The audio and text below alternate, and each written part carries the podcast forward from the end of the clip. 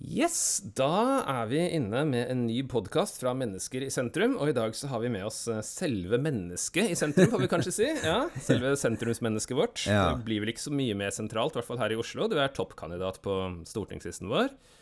Og du er partileder. En flott, eh, flott kombinasjon. Hvor stor stilling har du som partileder nå, forresten?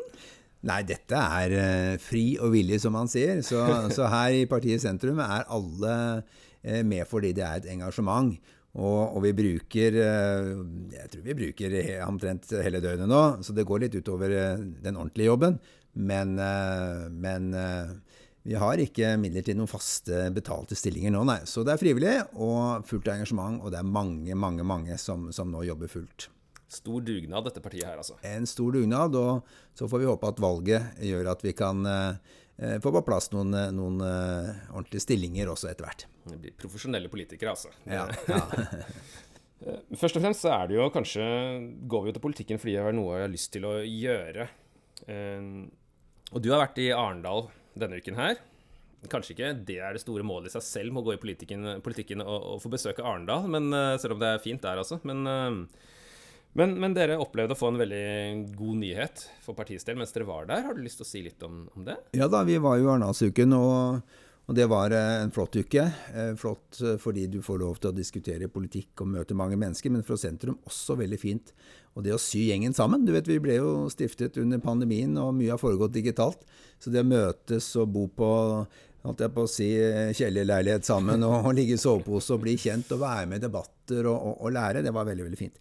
Nei, Det som var så flott eh, for oss, og, som vi virkelig var veldig glad for, det var jo at, at Mental Helse eh, og en rekke fagpersoner har tatt for seg alle partiprogram, altså alle partiprogrammene til eh, partiene på Stortinget, og oss. Og så har de gjort en grundig vurdering av hva slags politikk man har på psykisk helse. Og av alle partier så kom da partiet Sentrum ut med en terningkast seks. Og, og det var eh, vi det eneste partiet som fikk. Og, og for et parti som, som tar psykisk helse på dypeste alvor, så var det selvfølgelig veldig veldig, veldig hyggelig for alle som har jobbet veldig godt for å få det programmet til å bli riktig. Og du vet, det er kanskje en av de store utfordringene, eller kanskje den største utfordringen vi har eh, i Norge i dag når det gjelder på helsesida, at så mange mennesker faller utafor pga. Eh, manglende forebygging av psykisk helse og selvfølgelig manglende oppfølging i spesialisthelsetjenesten. Så her må vi, må vi ta et krafttak. Det er jo noe som mange nevner i forbindelse med både folk som eh, dropper ut av skolen, og også ikke kommer inn på arbeidsmarkedet, eller kommer ut av arbeidsmarkedet etter hvert, fordi det er rett og slett psykisk uhelse. Så det høres ut som et, et viktig sted å, å satse på. Du vet, Vi bruker i Norge ca. 100 milliarder kroner i året på uføretrygd eh, til forskjellige eh, mennesker. Og, og det er flott at vi har et eh, velferdssamfunn som står der, men mange av disse ønsker jo å jobbe. Mange av disse ønsker å få hjelp med helsa, slik at man kan komme tilbake til samfunnet. Så det å investere i mennesker det vil jo være det aller, aller smarteste man gjør. Det å forebygge og det å hjelpe og det å også bruke og styrke spesialisthelsetjenesten. er- det- Her snakker vi ikke om kostnader, her snakker vi om rett og slett en god investering. Så, så, så dette er, er veldig, veldig viktig eh, for oss og for Norge. Mm. Og ikke minst for de menneskene som, eh, som selv har problemer med, Det- med psyken. rett Det er det aller viktigste. Du er jo en eh, profilert politiker, for så vidt, og også profilert eh, advokat, og det skal vi komme tilbake til. Men, men i tillegg så er du en ganske profilert hundeeier. Eh, det var, eh, jeg satt og så på valpeskolen i, i høst selv. Jeg hadde akkurat meldt meg inn i partiet Sentrum. og ante ikke at du var med før jeg så det. Så jeg tenkte at dette her var artig, og så lurte jeg litt på Er dette sånn der forsøk på å være en liten Vedum og drive og være folkelig politiker, eller hva var det egentlig som, som skjedde der? Nei, sannheten er at jeg ante ikke at det var med, jeg heller, rett og slett. Fordi eh, vi eh, hadde fått valp. Ja. Det visste jeg jo selvfølgelig. Det var jeg absolutt med på. Og så var det datteren min på 13 år som heter Lykke. Ja. som syntes at eh, vår familie trengte litt opplæring i hvordan denne valpen skulle te seg. Og så er det hun som har tatt kontakt med Maren, da, som er hundetrener, Ja, ja, ja. og sagt at hun gjerne ville lære. Og så har de hatt en dialog, og jeg tror jeg mistenker kona mi også har vært eh, involvert i den dialogen. Men jeg har ikke fått det med meg. Og jeg har nok fått det med meg at hun skulle komme, men jeg visste ikke helt når. Og jeg trodde hun bare skulle komme for å hilse på oss, for å se hva slags familie vi var, og, og vurdere om, om rett og slett vi skulle være med på dette programmet. Da. Så jeg møtte jo opp i morgenkåpe og, og rett eh, fra sengen jeg, denne morgenen når hele, hele dette TV-teamet sto der. Så det var ingen bevisst handling, for å si det sånn. Men når det er sagt, så lærte vi masse Ja. om eh, bikkjer eh, bikkjer og oppdragelse av hunder. Eh, med å være med, så jeg angrer jo ikke eh, i det hele tatt. Men det var altså ikke noe bevisst strategisk handling fra min side. Nei. det, det er bra. Og, og Salto har det fint fortsatt? Salto har det kjempefint. Han er Ja. bortskjemt, men han er ganske lydig. Ja. Og eh, er en fin hund og får oss ut på tur. Og, og vi er jo like glad i han som eh, Ja, nesten som ungene. Det er vel ikke riktig, men eh, en av barna, en av barna sa det for, for noen uker siden. Og sa hun det. «Æ, æ, Var dere like glad i oss når vi var små også, sa hun. Fordi hun er nå voksen.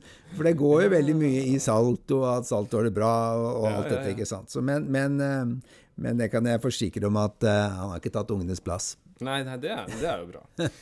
Får han eh, være med på, på stand til valgkampen også, tror du? Ja, det kan godt være, fordi eh, han liker ikke å være alene hjemme så lenge.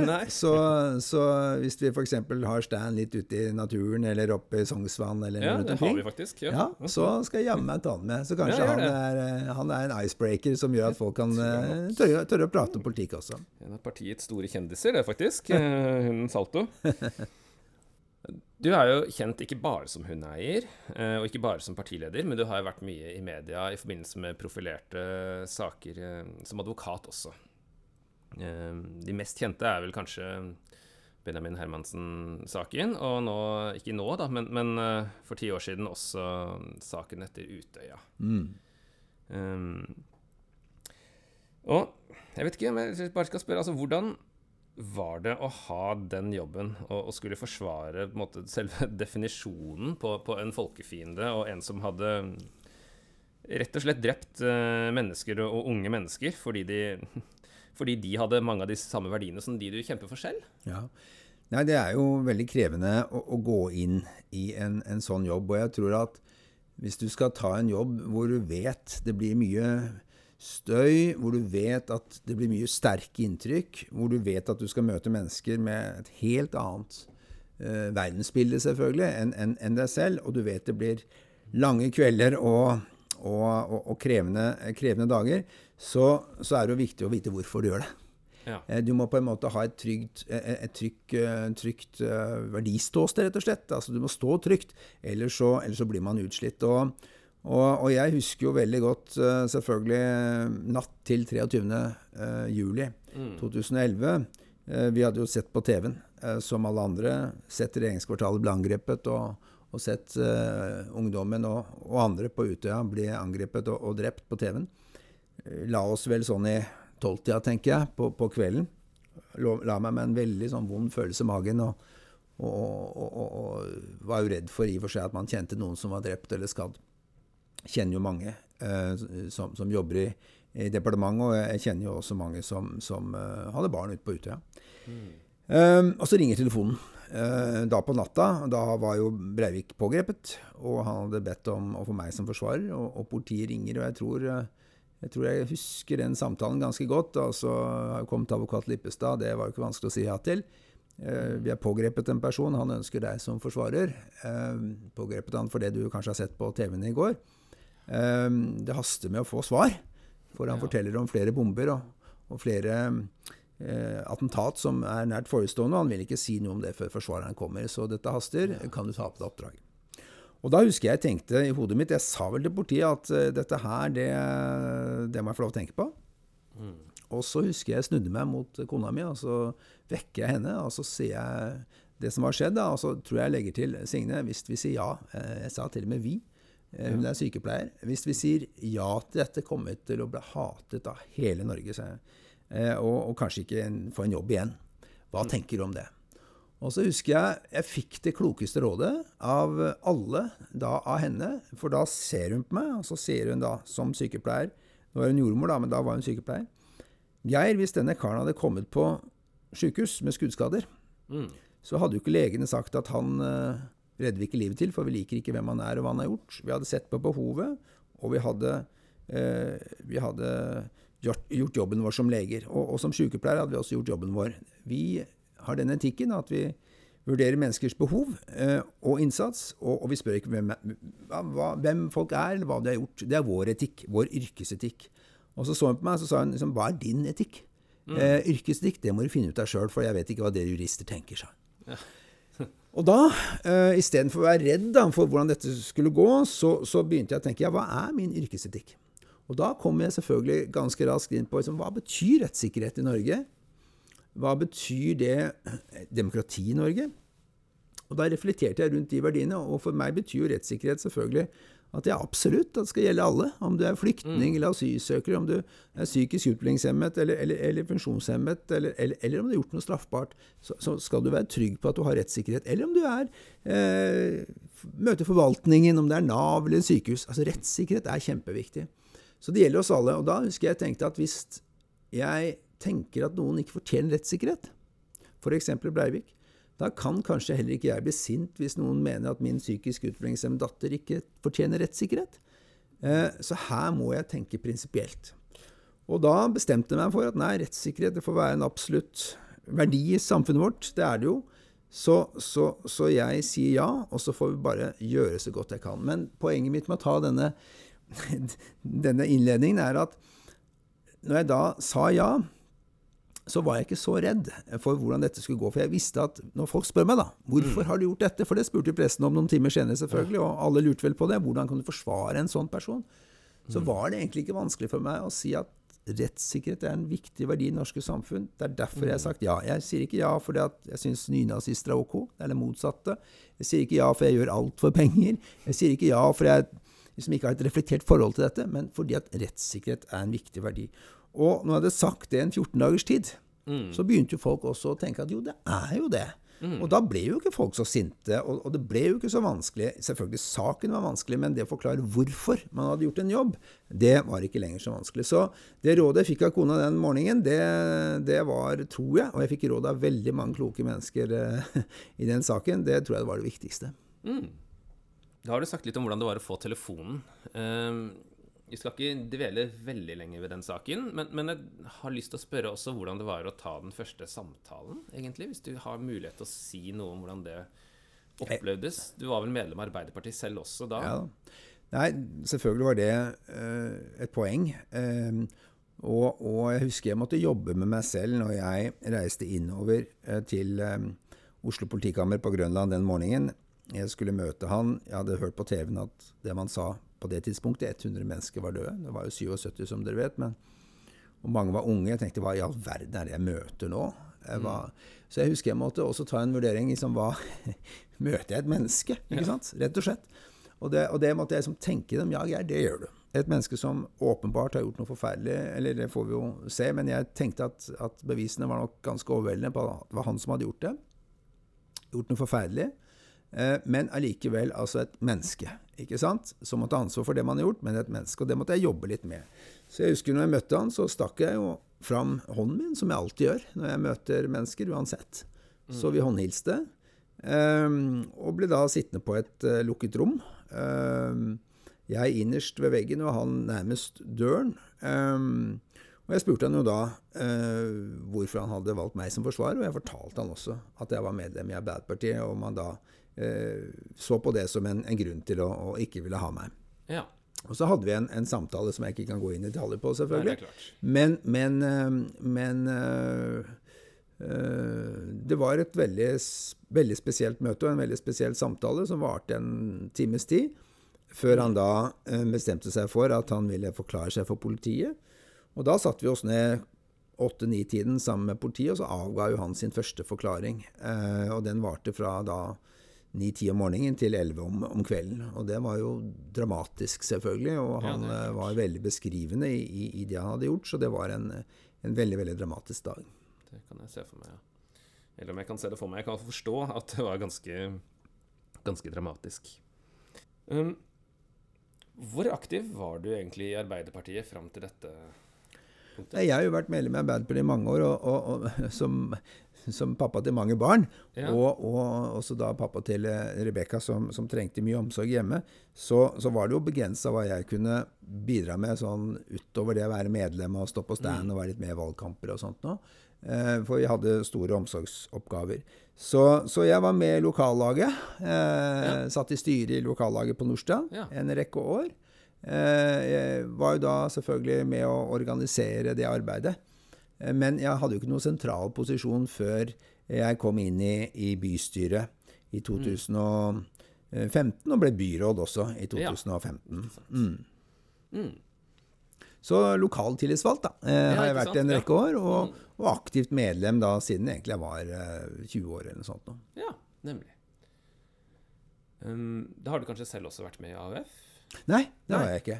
ikke eh, jeg vet ikke hvorfor, men det er, dette så lenge siden. Så, ja. så, så når jeg var 20 år, så, eller 21 år, så var det, var det inni Arbeiderpartiet som, eh, som jeg meldte meg inn Ja. Mm. Ikke sant, ja. Mm. Vi kommer litt tilbake til det. Men jeg tenkte jeg kunne høre litt mer om egentlig oppveksten din. Du kommer jo fra, fra ganske typiske arbeiderklasseområder, for så vidt. Eller i hvert fall eh, nå, tenker jeg. Holmlia. Hvordan var det? Det er der du har vokst opp, ikke sant? Ja, Oslo syd. Eh, vet, jeg er 57 år, ja. så når jeg vokste opp, så var Holmlia en skog.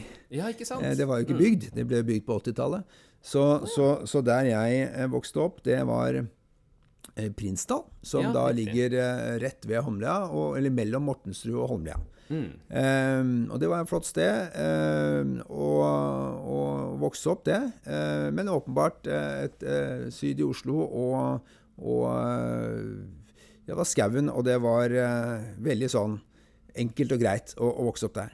Og når jeg kjøpte min første bolig, så kjøpte jeg bolig på Holmlia. Ja. Og bodde der da i ja, syv år ca.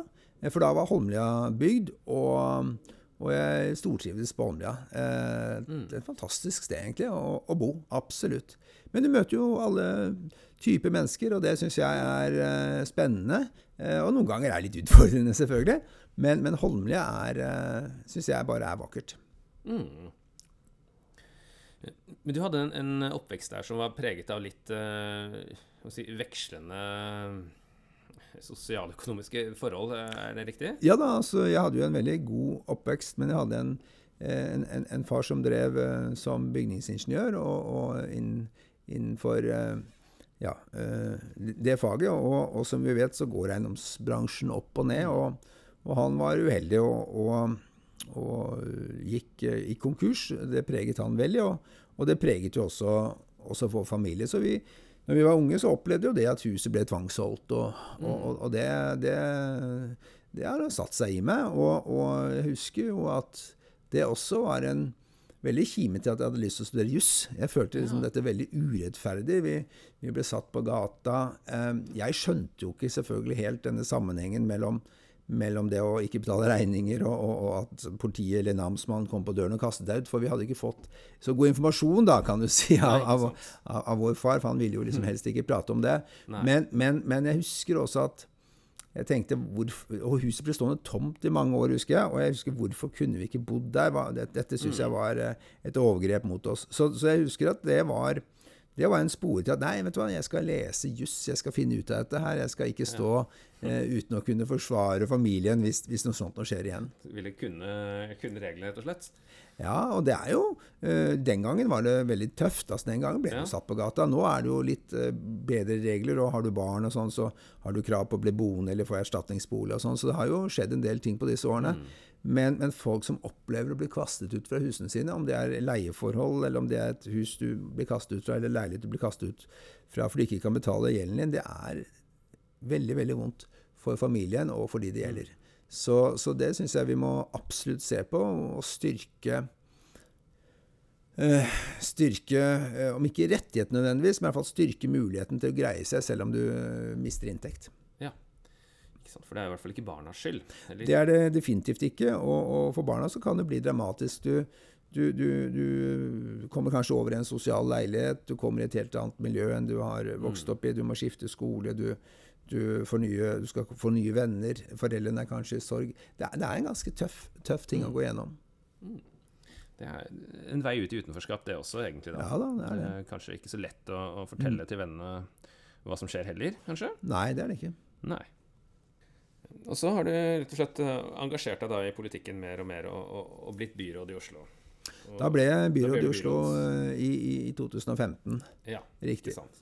for um, eiendom, stemmer det? Det var for uh, næring, eierskap og mangfoldsbyråd. Ja, ikke sant. Ja. Mm. Og så har du senere da gått ut av det partiet som du representerte. Ja, det som er mitt engasjement, det er jo eh, å, å, å tenke helhet i politikken. Og, og det som jeg syns er så fantastisk med partiet Sentrum, det er jo nettopp at vi gjør det. Men vi har også satt noen veldig klare prioriteringer. Ikke sant? Vi, vi sier jo eh, at vi bygger all vår politikk da, på FNs bærekraftsmål, som er liksom, verdenssamfunnet og all mulig kunnskap samlet for å vise vei nå fremover de neste 30 årene, hvordan vi skal forvalte den jorda på best mulig måte. Så det handler om klima og miljø. Og det handler også om økonomi. Vi må ha inntekter, og, og, og hva skal vi leve av? Hva slags bedrifter og næringsliv skal vi utvikle? Og så handler det om sosial eh, bærekraft, altså dette med at færre skal falle ut av samfunnet. Dette med utenforskap. Og vi sier jo at uh, vi er et parti som har en helhetlig politikk for økonomi, miljø og klima, og utenforskap. Men utenforskap er det som haster mest, og er aller viktig for, viktigst for oss å få gjort noe med. Og det er det som, som, som gjør at, uh, at, mitt engasjement nå er i partiet sentrum. Og, og, og, det å stifte et nytt parti er jo litt dramatisk i seg selv, men, men, men jeg føler at, at, det var nødvendig i, i den situasjonen Norge og verden er i nå. Jeg så nettopp noen som skrev på, på Twitter noe sånt som at uh, hvis dine politiske grunnideer ikke samsvarer med det partiet du er med i, så må du enten endre dine grunnideer eller endre partiet. Ja. Eller bytte ut partiet, det var alt på engelsk. Ja. Så, så, da valgte du det siste, da, å stå for det du, du mente, og, og, og, rett og slett å ikke bruke Arbeiderpartiet som et sted å, å fremme dette. Ja, jeg tenker jo at, at, at, man må hele tiden gjøre, om ikke hver dag, så i hvert fall innimellom, en, en vurdering. Mm. Hvordan er situasjonen rundt oss? Altså Hvordan er miljø- og klimasituasjonen rundt oss? Tror vi at det partiet vi er med i, er de som, som har fremtiden foran seg rundt de spørsmålene? Mm. Hvordan er Eh, arbeidslivet, hvordan er mulighetene for å skaffe nye inntekter og, og, og, og, nye muligheter når vi skal ut av olja på sikt? Er vi et parti som har de eh, spørsmålene eh, på agendaen? Og for meg også, da, aller viktigst kanskje, den enorme utfordringen vi har i Norge med at så mange ikke får delta. Så mange faller utenfor. Eh, 100 000 mennesker med nedsatt pensjonsevne ønsker å arbeide, har stått mm. utenfor i mange mange år. Partiene har gjort noe, men, men liksom, det hjelper ikke ikke fått én, én prosentvis inn i arbeid på disse 15 årene.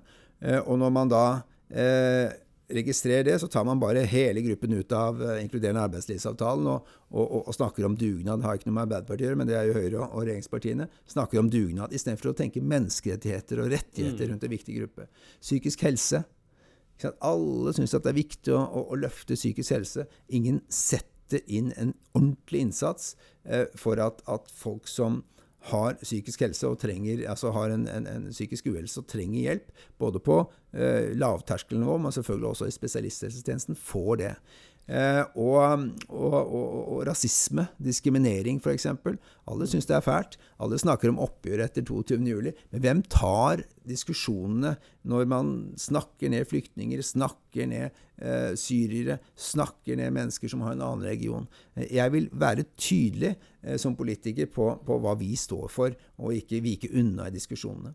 Så, så for, eh, for, meg så, så er det nesten som å være 20 år igjen da, å være partiledere i partiet Sentrum, hvor vi tar disse dagsaktuelle diskusjonene.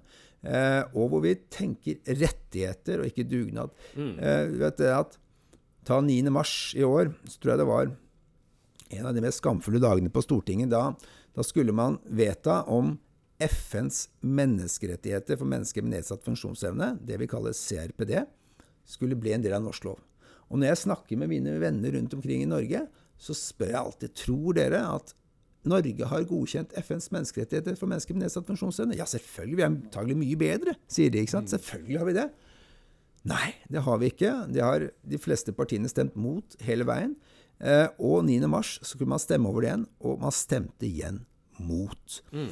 Så, så, det som, som, man alltid sier, ja, dette skal vi gjøre noe med, men man er ikke villig til å, å å gi folk rettigheter og, og muligheter. Og, og, det er jo det som er Partiet Sentrum sitt slagord. Vi gir folk muligheter. Og da er ikke det et tomt slagord, men, men det følger både menneskeverd og menneskerettigheter med det slagordet. Det, det, er viktig, og det er vel sånn også at uh, Hvis vi sammenligner dugnad og rettigheter, så er det jo litt sånn at det, det gjør noe med den gruppen det gjelder. Uh, og man blir inkludert fordi at de andre gjør en dugnad og på en måte uh, i hermetegn er snille. Så, så, gir ikke det den samme verdigheten og, og, og tryggheten og, og, selvrespekten og samme opplevelse at man er en del av samfunnet, som dersom man har faktisk rettigheter og, med loven i hånd. Selvfølgelig, det er du helt rett i. Tenk deg, tenk deg bare om du skulle ha Eh, om hele helsevesenet skulle være bygd opp slik at, at, det, var, eh, at det ikke var rett til helsehjelp, eller, eller hele skolevesenet skulle være bygd opp slik at det ikke er rett til skole. Eller for den saks skyld, hvis du skulle jobbe med, med arbeidsmiljøloven og så si at nå, nå tar vi bort arbeidsmiljøloven, for mm. disse rettighetene til arbeidstakere trenger vi ikke lenger. Eh, de, de, ikke sant? Kan ha dugnad i stedet. Kan dugnad. Da ville jo folk blitt rasende. ikke sant? Og, og hvis du begynte å snakke om, om kvinnekamp at nå skal vi snakke om kvinners menneskeverd. De er like mye verdt som menn. Da vil jo, Hva er det for noe? Selvfølgelig er de det. Men spørsmålet er hvilke rettigheter har man? ikke sant? Mm. Og da har man jo hele kvinnekampen med rettigheter, liksom barnehageplass, men også kvoteringssystemer og alt dette som har fungert godt fra 70-tallet og nå, som har gjort at vi i hvert fall har kommet et stykke på vei med kvinnekamp. Så rettigheter må følge med menneskeverdet. Menneskeverdet menneskeverdet alene er jo nesten selvfølgelig, tenker jeg at vi mm. har det samme menneskeverdet. Men, men, menneskerettigheter og rettigheter, det er, vi, det er, mange politikere som ikke er villige til å, til å gi mennesker som, som trenger det. Mm. Og Da nevnte du også retorikk mot uh, og måten vi snakker om, om, mennesker, og da særlig flyktninger. Mm. Um, og der har jo, Nå har vi snakket litt om Arbeiderpartiet og grunnen til at du ikke fortsatte der, fordi du ville jobbe for disse sakene, men, men, men der har vi jo enda større problemer på, i, i, regjeringspartiene, og ikke ja. minst et parti som har vært med i regjering, eh, og, og, som trakk seg ut etter hvert. Som har kommet med uttalelser fra, fra ministre, eh, blant annet, da, eh, som går i retning av eh, oppfordring til nye korstog, og, og ganske ytterliggående, egentlig, mm. retorikk der. Og så har statsministeren bare besvart det ut med at at det står på regjeringsplattformen er det som politikken, og det er det som betyr noe. Eh, som om retorikken ikke betyr noe. Men hva, hva tenker du om det? Hvis du kunne kommet med en motsvar akkurat eh, i det intervjuet, eller stilt et nytt spørsmål som journalist, hva, hva ville du sagt da? Jeg har ikke du som leder et ansvar for å, å sette en standard, for å vise vei, for å, for å danne et, et, et, felles fall verdigrunnlag i, i samfunnet vårt? Eh, og jeg skal prøve å konkretisere det. Forrige valgkamp da var jeg eh, Vi var fosterforeldre eh, til ja. en, en, jente som var dels fra eh, Irak og dels fra Iran. Moren og faren, da, fra hvert av de landene. kom til Norge, de to foreldrene, og fikk henne. så hun er født i Groruddalen og vokste ja. opp her. Men så skjedde det, det at mor døde og, og, litt så forskjellig, så hun trengte fosterforeldre og kom til oss. Men poenget Hun var 14 år ved forrige valgkamp. Um, har aldri reflektert over politikk. Mm. Har aldri reflektert over at hun ikke hører hjemme i Oslo eller Norge. Hun er født og oppvokst her. Men hun ser jo da ut som hun gjør. Eh, flott jente. Eh, og bruke hijab, for det gjorde mamma, og det ønsket hun også å gjøre, fordi, eh, for det er mammaen sin. Eh, og så kom hun plutselig hjem fra skolen under forrige valgkamp og sa du, er ikke jeg norsk? Mm. Jo, sier jeg, du er jo norsk, du er jo norsk statsborger, vokste, vokste opp i Grudalen.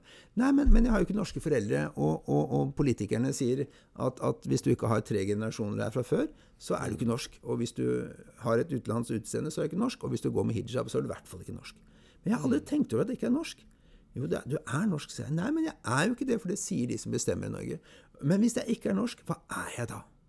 Altså, du kan jo selvfølgelig si hva du vil som politiker, vi har jo ytringsfrihet. Men når våre ledere eh, snakker på en slik måte at våre ungdom eh, mm. begynner å reflektere over om man hører til, eller man får lov til å høre til, eller om man faktisk enda verre helst ikke skulle vært her, så, så skaper, det, eh, skaper, det, et klima som, som, ikke fører til dialog og, og til, til eh, at man, at man, tenker at Norge er plassen for meg. Man, man, man, starter faktisk en prosess inn i hodet på et ungt menneske som kan føre til et utenforskap. ikke sant? Og man, mm. og man rett og slett uh, og, og, usikkerhet.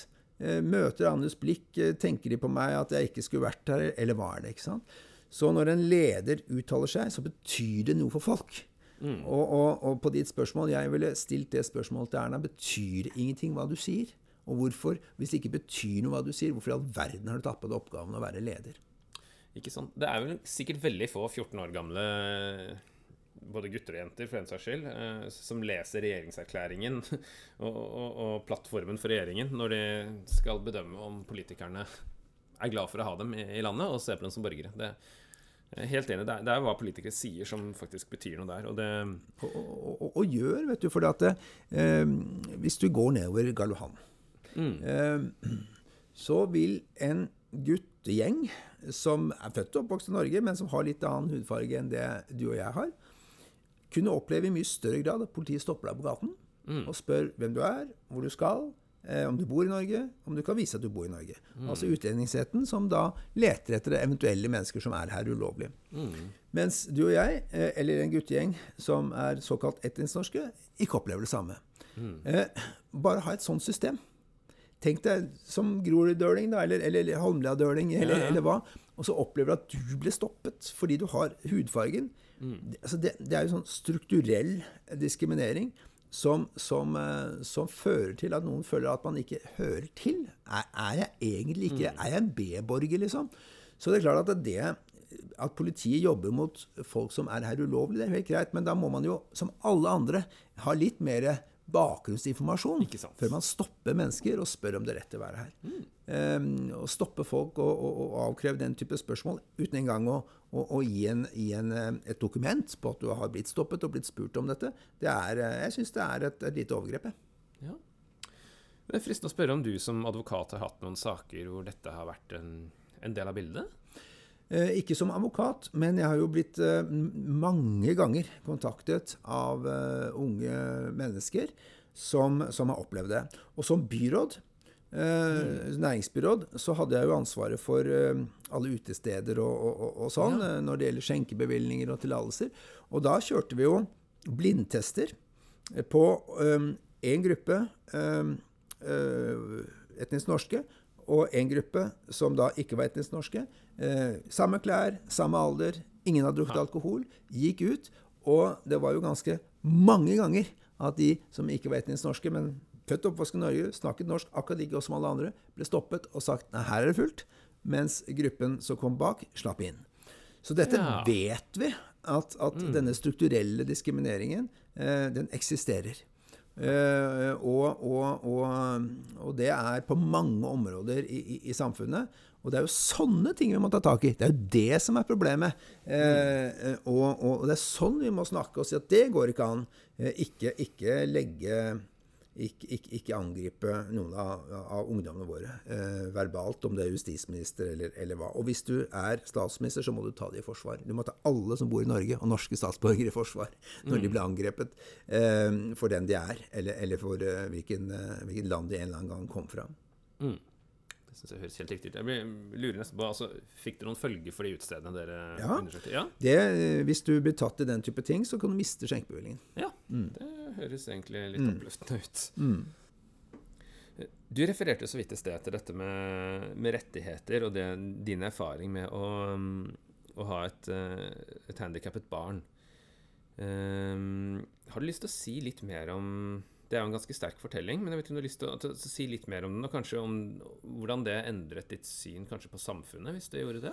Ja, Det gjør det jo, fordi at uh, vi er jo sånn vi mennesker at det vi opplever på kroppen, det, det gir oss en, en, en, dybdekunnskap i ting. Og, og, og, og, det gir oss også en pekepinn på om noe er urettferdig, rett og slett, og, kan bli bedre. Jeg ble jo pappa til Rebekka, uh, det er jo nå eh, 25 år siden. Ja. Og, Rebekka hadde en muskelsykdom som, som, gjorde at hun eh, gradvis ble eh, dårligere, både fysisk, men også, også, også dette med, med, det kognitive.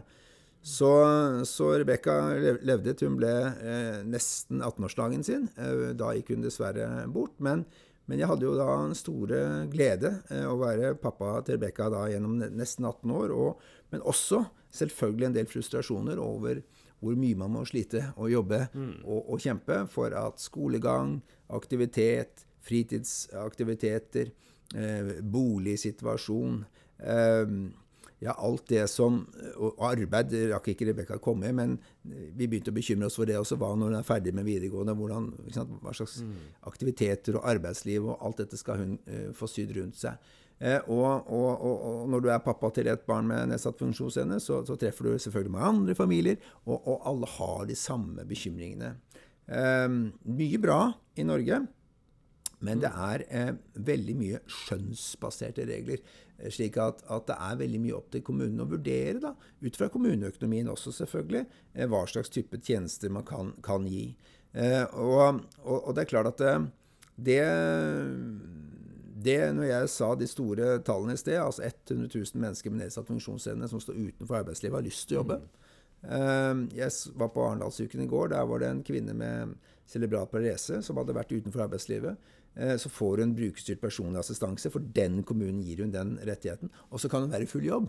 Og hun forteller at dette er det største som har skjedd i hennes liv. Altså en, en rettighet til en assistansefunksjon gjør at hun kan være i full jobb. Eh, det er jo fantastisk historie, men det er så mange som ikke får oppleve det. Mm. Når det gjelder psykisk utviklingshemmede, så skal jeg fortelle deg en ting, og det tror jeg nesten ikke folk vet. Men vi er jo kjempeflinke til å få psykisk utviklingshemmede gjennom videregående skole. Vi kan ha vært enda flinkere, de trenger eh, mer spesialpedagogikk osv., men vi får det gjennom videregående skole. Men når de er ferdig med tredje klasse, så går 85% av psykisk utviklingshemmede rett ut i ingenting. Ikke dagtilbud, ikke noe arbeid. 85% blir sittende hjemme uten noe tilbud. Eh, hvis, det, hvis, det, hadde vært andre ungdom 85 mm. av ungdommene våre som hadde gått rett ut i ingenting etter videregående, så hadde det jo vært en svær nasjonal hva skal vi si, diskusjon. Mm. Men fordi det er psykisk utviklingshemmede, så er det liksom ingen som løfter på, på øyenbrynene og gjør ikke noe med det. Og, og, det er her jeg mener at et parti som Sentrum selvfølgelig eh, skal gjennom rettigheter løfte disse gruppene. Eh, om det er psykisk utviklingshemmede, eller om det er synshemmede, eller om det er mm. eh, andre typer funksjonshemmede, eller selvfølgelig psykisk helse som, som ligger bak at man ikke, ikke uten videre kan eh, nyttiggjøre seg av de tilbudene som andre kan nyttiggjøre seg av. Det. det er ganske, ganske store tall, ja. ja. Mm. Uh. Og så er det jo det med, med, med holdninger òg, da. Én mm. Eh, ting er rettigheter til mennesker med nedsatt funksjonsevne som må styrkes. Som sagt, Stortinget sa nei til å gi menneskerettigheter. og, og, og, og, det er en masse rettigheter som må styrkes. Til opplæring, skole, til, til arbeid, til bolig osv. Tvang og mye som, som man utsettes for. Men det er også holdninger. Mm. Mange tenker jo om mennesker med nedsatt funksjonsevne at det er liksom noe Ja, man har noen holdninger der som ikke er Man er ikke vant til å, å omgås, kanskje. Og, og, man tenker at, det er, at man ikke skal delta, eller kanskje ikke kan forvente at man skal delta i samfunnet. Og, og, og, jeg skjønner de holdningene. For jeg må jo innrømme at når jeg fikk Rebekka, så hadde jeg noen av de samme holdningene selv. Det var en prosess jeg virkelig måtte gjennom. Jeg husker at når vi fikk greie på at Rebekka som toåring havnet i rullestol, Mm. Så tenkte jeg hvordan liv kommer dette til å bli? Sitte i rullestol, en lita jente. Hva med Jeg er jo glad i idrett. Hva med idrett? Hva med mm. Venner? Hva med, ja, hva med jobb? Hvordan liv kommer til å bli? Jeg husker jeg tenkte veldig på det. Eh, og jeg husker også at når vi fikk greie på at ikke, dette var bare en, en, en, en fysisk eh, sykdom, men også at det ville gå på det kognitive, og at hun dessverre ville dø av, av dette, eh, så, så, husker jeg tenkte Da var hun vel jeg tror hun var ja, åtte år når vi kom inn fra sykehuset og hadde fått den beskjeden. Og da husker jeg jeg satt uh, på asfalten hjemme. Jeg tror jeg bare satt og grein og tenkte at nå er mm. livet over. Hun skal dø. Uh, hun får ikke lov å bli voksen. Liksom, livet er over, husker jeg bare tenkte og satt og grein. Og så, og, og så husker jeg Rebekka hadde fått hjelp til å komme seg ut i rullestolen sin og hadde fått en søster eller to på, på fanget. Og de veltet i noe vannpytt der og lå, lå oppe i noe vann og lo og hadde det så fint sammen. Og, og, og, og viste hverandre den kjærligheten som søsken har. Da. Og, da husker jeg satt og så på dette her, og så tenkte jeg Geir, du må jo være den største premieidioten som, som fins. Altså, du har gått i seks, syv, åtte år nå og tenkt at Rebekkas liv ikke blir like bra som ditt, for det ikke blir ditt liv. Altså, mm. Nei, hun kan ikke drive med idrett. Nei, hun kommer ikke til å bli jurist. Hun var psykisk utviklingshemmet. Nei, hun kommer ikke til å uh, gå på fjelltoppene. Men, men, hva er det hun kommer til å gjøre? Jo, og, og, hva er det som er viktig for henne? Det er jo mm. selvfølgelig å bli jurist. Det var jo å oppleve kjærligheten med søsknene sine. Få lov å bo hjemme. Få lov å gå på skolen og, og lære det hun kunne. Hun utviklet språk, hun hadde tegnspråk, hun hadde masse venner. Eh, det å få lov til å, å, å, å ri det å få lov å seile altså det, det, var jo det hun var opptatt av i livet sitt. Men jeg, jeg objektiviserte på et vis hennes, hennes livskvalitet og, og, tenkte at fordi det ikke blir som normalbefolkningen, så blir det ikke like bra. Så jeg hadde jo også masse fordommer. Men fra det øyeblikket når jeg tenkte at nei, vet du hva, livskvalitet, det er, det er noe subjektivt. Du må, du må du må ikke tenke på det som det objektivt. Og veldig mye kan være et godt liv, selv om det er annerledes. Fra det øyeblikket så, så Jeg elsket jo Rebekka fra dag én og gjorde det hele livet, men fra det øyeblikket ble det også mye lettere å akseptere at f.eks. Mm. livet hennes ble kort, eller at hun fikk en del fysiske utfordringer som andre ikke, ikke fikk. Mm. Det høres ut som en ganske viktig, et viktig øyeblikk og en viktig oppdagelse. og kanskje noen... Ja, og, og det handler jo om at grunnen til fordommer eh, er jo ikke fordi det er noe vondt i oss, men fordi vi ikke mm. kjenner de menneskene vi har fordommer mot. ikke sant? Så jeg er veldig opptatt av at mennesker må møtes, mennesker må være i samme klasserom, mennesker må være på den samme arbeidsplassen, mennesker må møte hverandre ute i, i idretten, i, i, i, fellesområdene, slik at man ikke får grupper som man aldri møter. Um, for da, da, da, oppstår den type, den type fordommer. Da. Jeg har eh, snakket med flere som har vært i, i lignende situasjoner og, og, reflektert rundt det, og som også har opplevd at noe av det vanskeligste ikke nødvendigvis er altså Det er jo absolutt vanskelig i seg selv å, å ha et, et, barn som er sykt, og, og ja, å håndtere den situasjonen der og, og forsone seg med det. Eh, og, og, følge opp på en god måte. Men så kommer oppfølging med det offentlige i tillegg som en sånn uh, ekstra greie. Og nå er jo du en ressurssterk person, kan lovverk, kan rettigheter og, og reflekterer rundt dette og kan det språket som, som brukes. Men, men, for en del andre så tror jeg kanskje Jeg har hørt at det også er noe av det som gjør det enda vanskeligere. Da. At de offentlige hjelpefunksjonene som er der, er funksjoner man også Ikke bare er det forskjell fra kommune til kommune, men det er også veldig vanskelig å finne ut hva man har rett til. Og, få de rettighetene, rett og slett. Ja, det er du helt rett i. Og, og selv om jeg er jurist, så har jeg brukt enormt med tid mm. på å, å, å, å, sy sammen et godt uh, tilbud til Rebekka. Og, og, nå offentlige utredninger og alt peker jo på at, at det er Foreldrene sier jo at det å få et uh, sykt barn, eller et barn som har nedsatt funksjonsevne, det er selvfølgelig en, uh, en utfordring, men det er en mye større utfordring å slåss mot systemet. Mm. Og, og, det er jo, er jo trist. Og, og, og, bakgrunnen for dette, for å gjøre det en veldig komplisert ting enkelt, det er jo at systemet er jo ofte lagt opp, som jeg sa i sted, ikke at du har en konkret rettighet du kan slå i bordet med, men det er veldig mm. mye skjønn og vurderinger og opp til kommunens egne fagfolk, og også opp til kommunens økonomi, å vurdere hva slags tilbud du skal få. F.eks. brukerstyrt personlig assistanse, som er et Mm. E, e, et verktøy hvor hvis du ikke kan løfte, eh, ikke kan bruke armer og ben, så kan du da altså få en assistent som kan være beina dine og armene dine, slik at du kan komme deg ut og, og, og fungere, være på jobb f.eks. Men, men, men, men, det er veldig opp til kommunene da, å, å vurdere om du skal få det. Eh, slik at det er ikke en rettighet du kan slå i bordet med og si at jeg skal ha 40 timer, for det trenger jeg, for da kan jeg være i jobb. Så så, så det, er, eh, det, er, eh, skjønnsmessig, og så, er det også noen strukturer som er veldig urettferdige. Som jeg er veldig opptatt av. Beitostølen helsesportsenter har gjort et doktorgradsarbeid hvor de viser at 60 av barna på habiliteringen på Ullevål er barn med innvandrerbakgrunn. Mm. Men bare, altså nesten ingen av de, altså ingen av de foreldrene etterspør rehabiliteringstjenester. Altså fysioterapi, ergoterapi, det å lære å bruke hjelpemidler, det å, det å liksom, bli den beste utgaven av seg selv.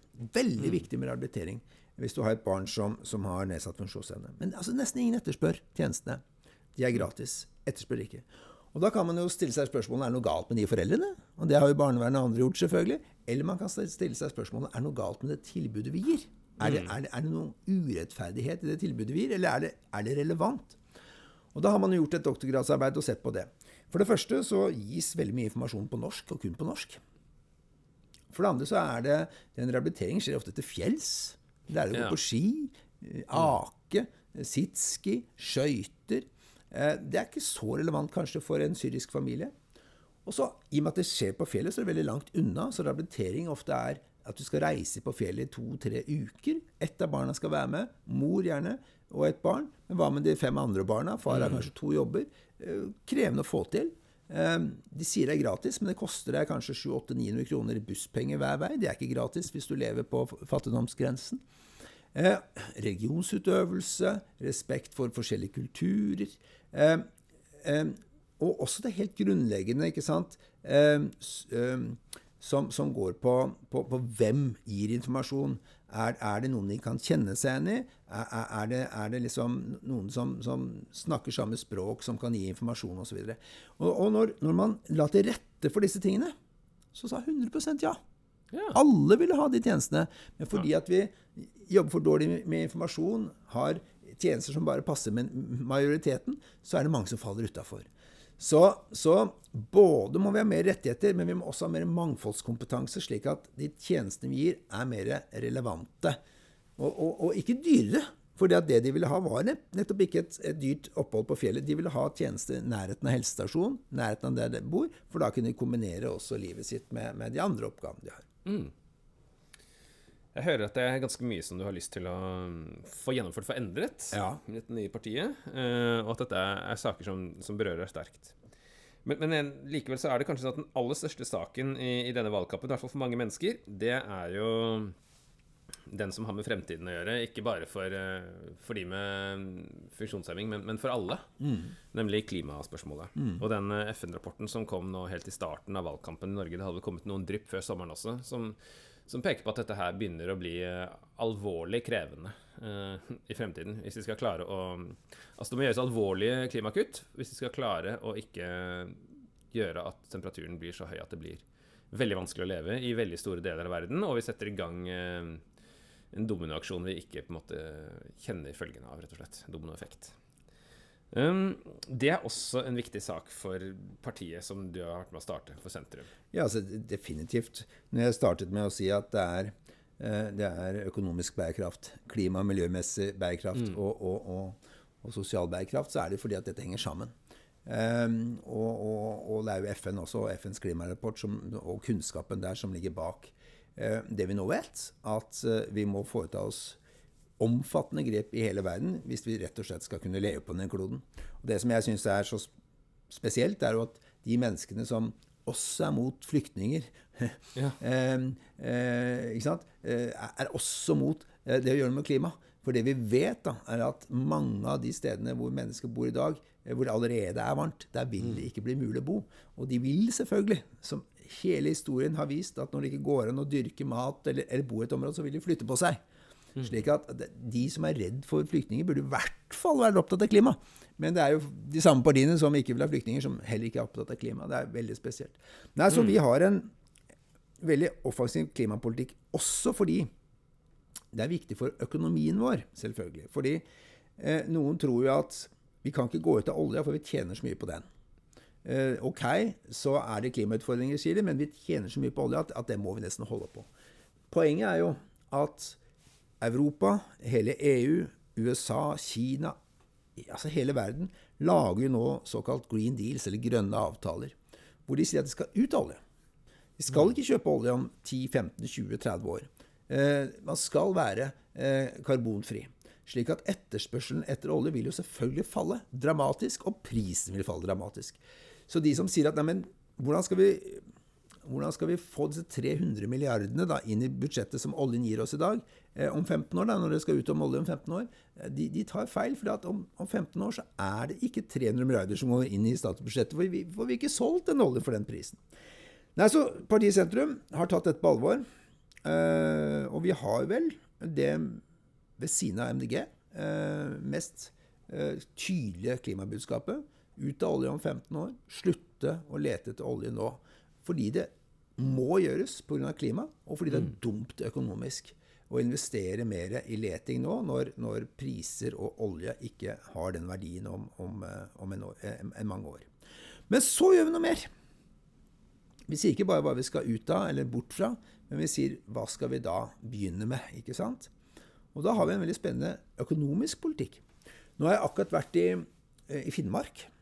Eh, hvor det er enormt med naturressurser. Og hele havet, vet vi, men også på land. Jeg har vært i Nordland, jeg har vært i Troms. Um, mm. Og det de sier er vi er klare for å sette i gang med veldig mye spennende både til havs og til, til, eh, til land. Skape masse arbeidsplasser langs hele kysten. Men vi mangler kapital. Det er ingen som vil investere i nye virksomheter. Det tør de ikke her oppe. Og Derfor har vi sagt, og, og snakket med, med, mange om det, um, la oss fase hjem 1 eh, av oljefondet, altså ta 100, 140 milliarder kroner, eh, en gang. Lage et norsk innenlands grønt fond som investerer i nye grønne næringer som er bærekraftige for Norge. Eh, og gjerne eh, i de områdene hvor det er vanskeligst å skaffe kapital, men hvor man har enorme ressurser og mm. muligheter nordpå eh, og vestpå. da vil vi sette i gang en positiv investerings... det vil ha en positiv investeringseffekt som, som gjør at, at, vi bygger opp noe nytt samtidig som vi bygger ned olja. For vi kan ikke bygge ned olja og så mm. vente med å bygge opp noe nytt. Da får vi en økonomisk krise i landet. Så, så, nå investerer oljefondet alle sine penger i grønne virksomheter i utlandet. Eh, men vi mener også at det må investere i innlandet. Og så sier noen da at ja, det vil føre til inflasjon, så det kan vi ikke. Men, men jeg tror økonomer nå i større, større, grad ser at når vi skal bygge ned investeringene i, i oljen, mm. så kan vi eh, booste opp vår egen økonomi for å bygge opp noe annet samtidig. Så det, så det henger sammen, som du hører, men, men svaret er at vi må øh, gjøre alle de riktige klimavalgene som vi kan gjøre.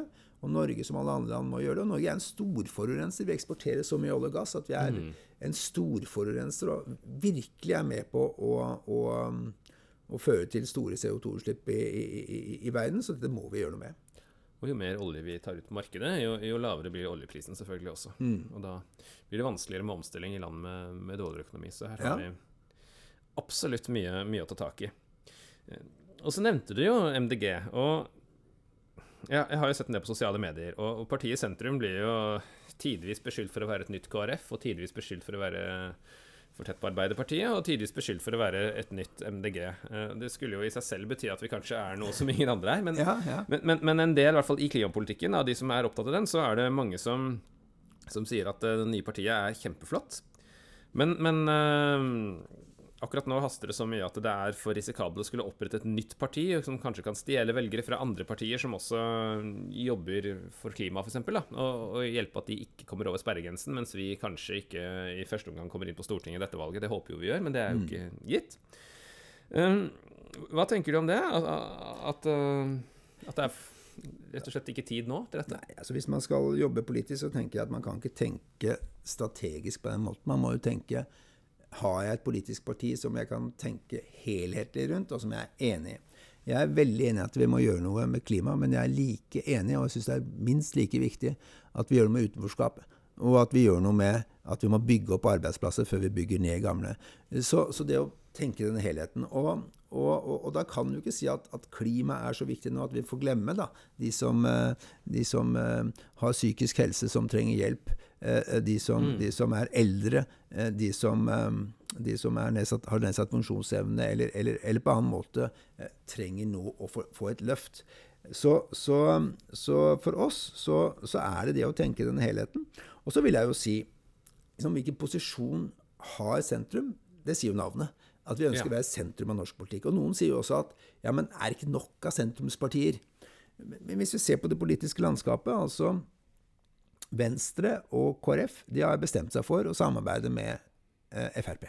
Mm. Og når du bestemmer deg å samarbeide med Frp og Høyre, så vet du at da får du ikke gjennomslag på klimapolitikk.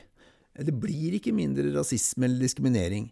Eh, og flyktninger- og, og innvandringssituasjonen får man ikke en mer human politikk rundt når du skal samarbeide med Frp. Det vet man. Mm. Ergo så er ikke det et sentrumsparti lenger. Eh, når det gjelder Senterparti, så har jo de eh, eh heller ingen klimapolitikk.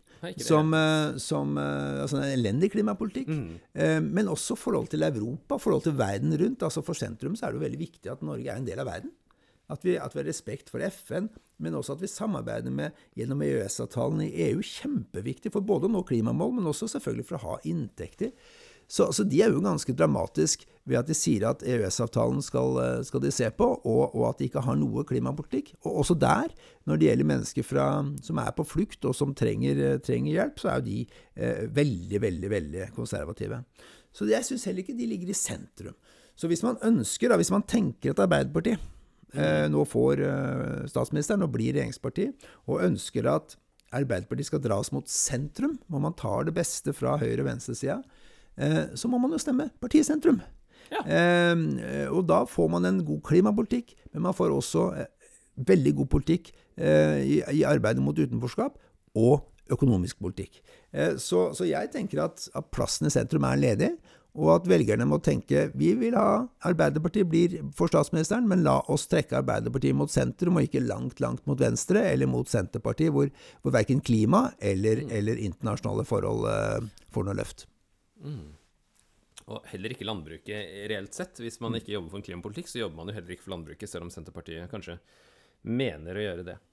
Men det, dette syns jeg var en, uh, egentlig et verdig punktum, kanskje, for, uh, for samtalen. Ja, tusen takk. Jeg, jeg tror det. Det mm, viser at det er god plass for partiet i sentrum. Og så kan du jo gjenta det, at hvis du liker partiprogrammet og, og syns dette virker fornuftig, men er usikker på om vi kommer inn på Stortinget i år, så er det også sånn at hvis vi ikke skulle klare det, så har hver stemme utrolig stor uh, betydning for å for å fremme vår politikk fremover. Eh, fordi at man får partistøtte, og jo flere stemmer vi får, jo lettere er det å komme inn i media, og jo lettere er det å faktisk komme inn på i bystyret i Oslo og, og kommunestyret andre steder, og også komme inn på Stortinget om fire år. Ja, Vi er kommet for å bli dette et langsiktig prosjekt, så vi mm. kaster oss ikke på liksom sånne eh, nei til bompenger og sånn for at folk skal bli engasjert. En langsiktig og god politikk. Og jeg er helt enig med deg, en stemme til sentrum betyr enormt mye for oss. Eh, så, så, den er definitivt uh, viktig. Og så, um, og så, får vi bare se hvordan valget går, men, men uh, ta bare den ene tingen da, når du sier allerede dette med vår betydning. Altså når vi i Arendalsuken uh, av Mental Helse uh, blir kåret til det partiet som har best politikk på psykisk helse, så, så, merker jeg jo i debatten at alle andre partiene de ønsker å finne ut ja, men hva er det dere har sagt, hva er det dere har gjort, hvordan, hvordan, hva, hva, slags politikk for, vil dere ha? Og så ser vi at det har en positiv effekt, også i hvert fall på noen andre partier. slik at vi er kommet for å bli. Uh, vår politikk har blitt veldig godt mottatt, og, og nå håper vi selvfølgelig at, uh, at, de som er opptatt av um, sosial bærekraft, som man sier, uh, økonomisk og selvfølgelig klima- og miljømessig bærekraft, denne helheten, og vil trekke politikken mot sentrum og ikke mot ytterpunktene, at man stemmer sentrum. Og, og, da skal vi stå der, og vi skal jobbe dag og natt for å nå våre og, og landets mål. Tusen takk. Takk skal du ha. Takk, takk.